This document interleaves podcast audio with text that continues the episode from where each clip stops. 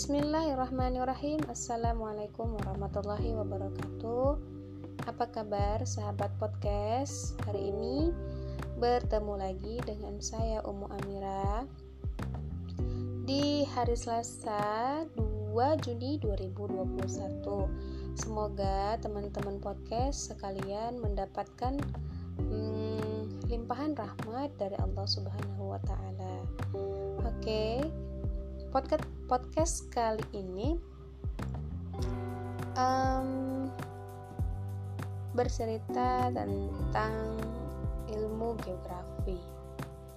Nah, siapakah yang lebih berhak disebut induk segala ilmu? Nah, orang Barat menyebut filsafat. Nah, ini karena filsafat dianggap kajian yang sangat mendasar menyangkut eksistensi pengetahuan, kebenaran, keelokan, kemudian keadilan, kepatutan, pikiran, dan bahasa. Nah, filsafat ini berasal dari bahasa Yunani kuno yang berarti kecintaan pada kebijaksanaan kecintaan pada kebijaksanaan. Namun, tak semua ilmuwan dan orang bijak sepakat dengan itu. Ketika filsafat semakin sering lepas dari dunia empiris, serta disinyalir justru digunakan untuk mengacau keimanan, orang mencoba mencari induk yang baru. Dan salah satu induk baru itu ternyata adalah geografi. Geografi dianggap ilmu yang menghubungkan langit, yakni pengamatan astronomi dan meteorologi dan bumi ya geodesi dan geologi nah juga ilmu yang menghubungkan dunia hidup ya biotik dan mati abiotik yang kehidup pun mencakup flora, fauna, dan manusia beserta interaksinya.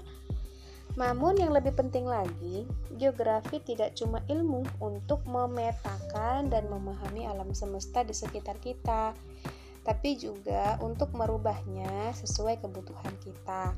Berbeda dengan filsafat, geografi memiliki kegunaan praktis baik di masa damai maupun di masa perang.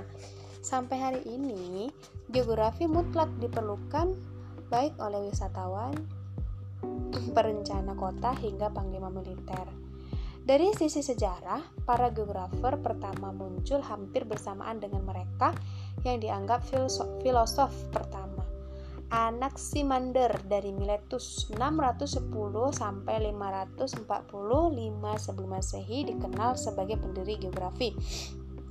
Nah, dia menemukan e, gnomon ya, alat sederhana untuk menentukan posisi lintang. Ada perbedaan tentang siapa penggagas mula bentuk bulat bumi. Per um, Manides atau Pythagoras atau Pythagoras. Anaxagoras berhasil membuktikan bentuk bulat bumi dari bayangan bumi saat gerhana bulan. Namun, dia masih percaya bahwa bumi seperti cakram. Yang pertama mencoba menghitung radius bumi sebagai bola adalah Eratosthenes. Nah, sedang Hipparchus menggagas lintang dan bujur serta membaginya dalam 60 unit seksagesimal sesuai matematika Babilonia saat itu. Pada awal milenia, penguasa Romawi Mesir Jenderal Ptolemeus 83 sampai 168 sebelum Masehi membuat atlas yang pertama. Selama zaman pertengahan dan kejatuhan Romawi, terjadi evolusi dari geografi Eropa ke dunia Islam. Tidak uh, tidak lagi Quran memerintahkan kaum muslimin untuk melakukan penjelajahan demi penjelajahan.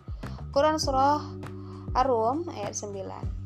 Nah, para para geografer muslim ternama dari Abu Zaid Ahmad bin Sahal al-Balkhi, Abu Raihan al-Biruni, Ibnu Sina, Muhammad Al-Idrisi, Yakut Al-Hamawi, Muhammad Ibnu Abdullah Al-Wati, Al-Tanji Ibnu Batuta dan Ibn, dan Abu Zaid Abdul Rahim bin Muhammad bin Khaldun Al-Khadrami menyediakan laporan-laporan detail dari penjelajahan mereka.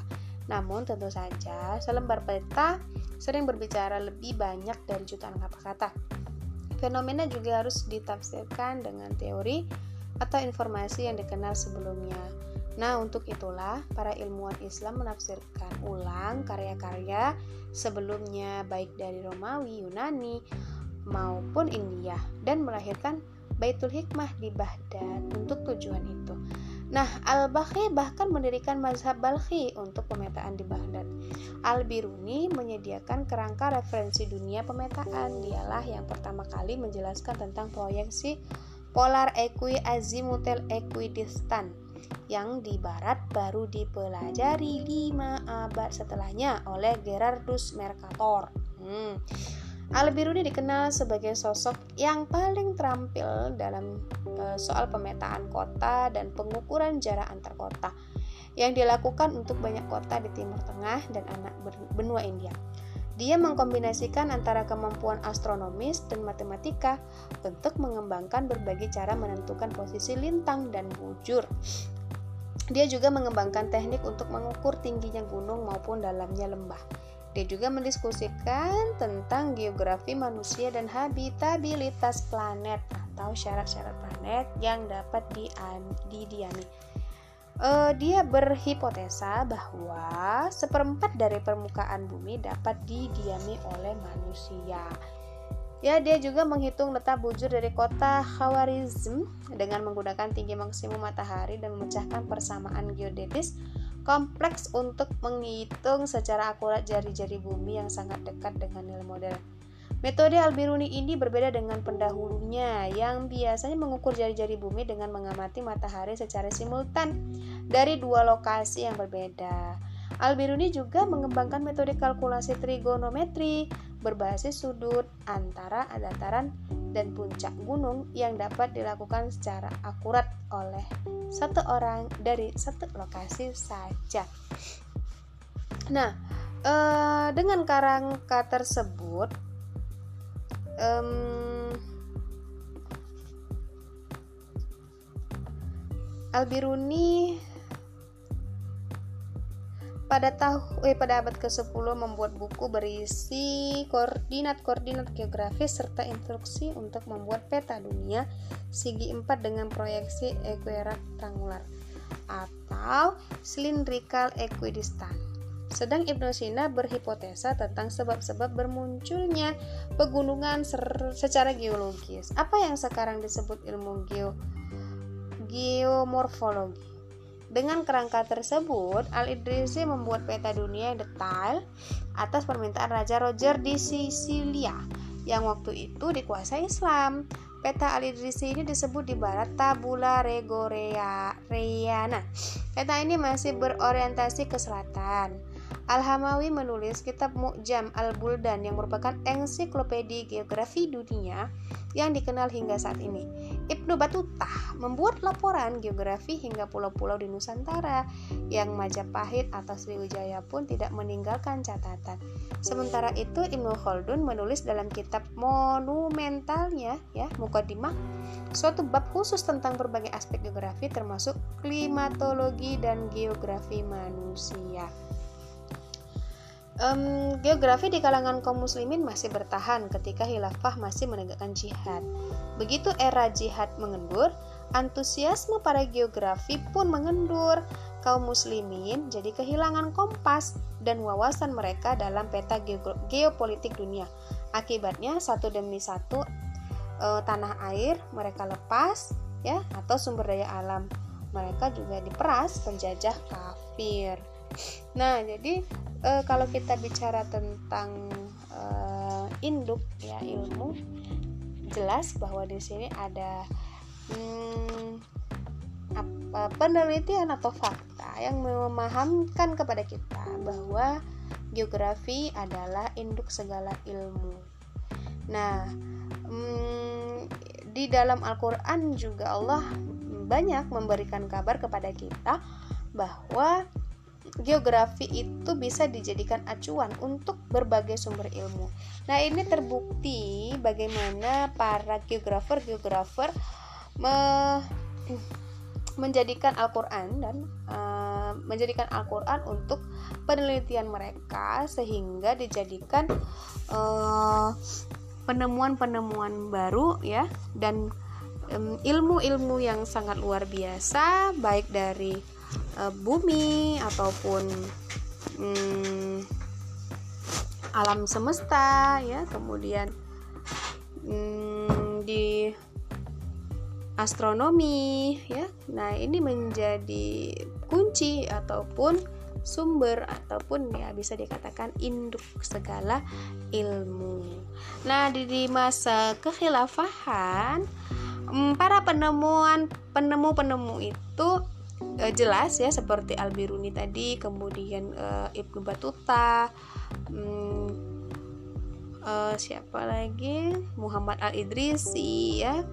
Nah, ini di sampai saat ini dijadikan rujukan bagi penemu-penemu barat untuk um, untuk mengambil mengambil penemuan mereka atau penjejak mereka menjadi acuan ya dalam penelitian.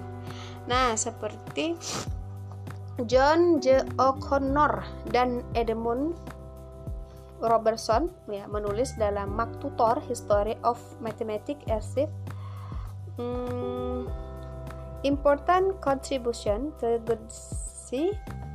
and geography were also made by Biruni. He introduced techniques to measure that earth and distance on in using triangulation. He found the radius of the earth to be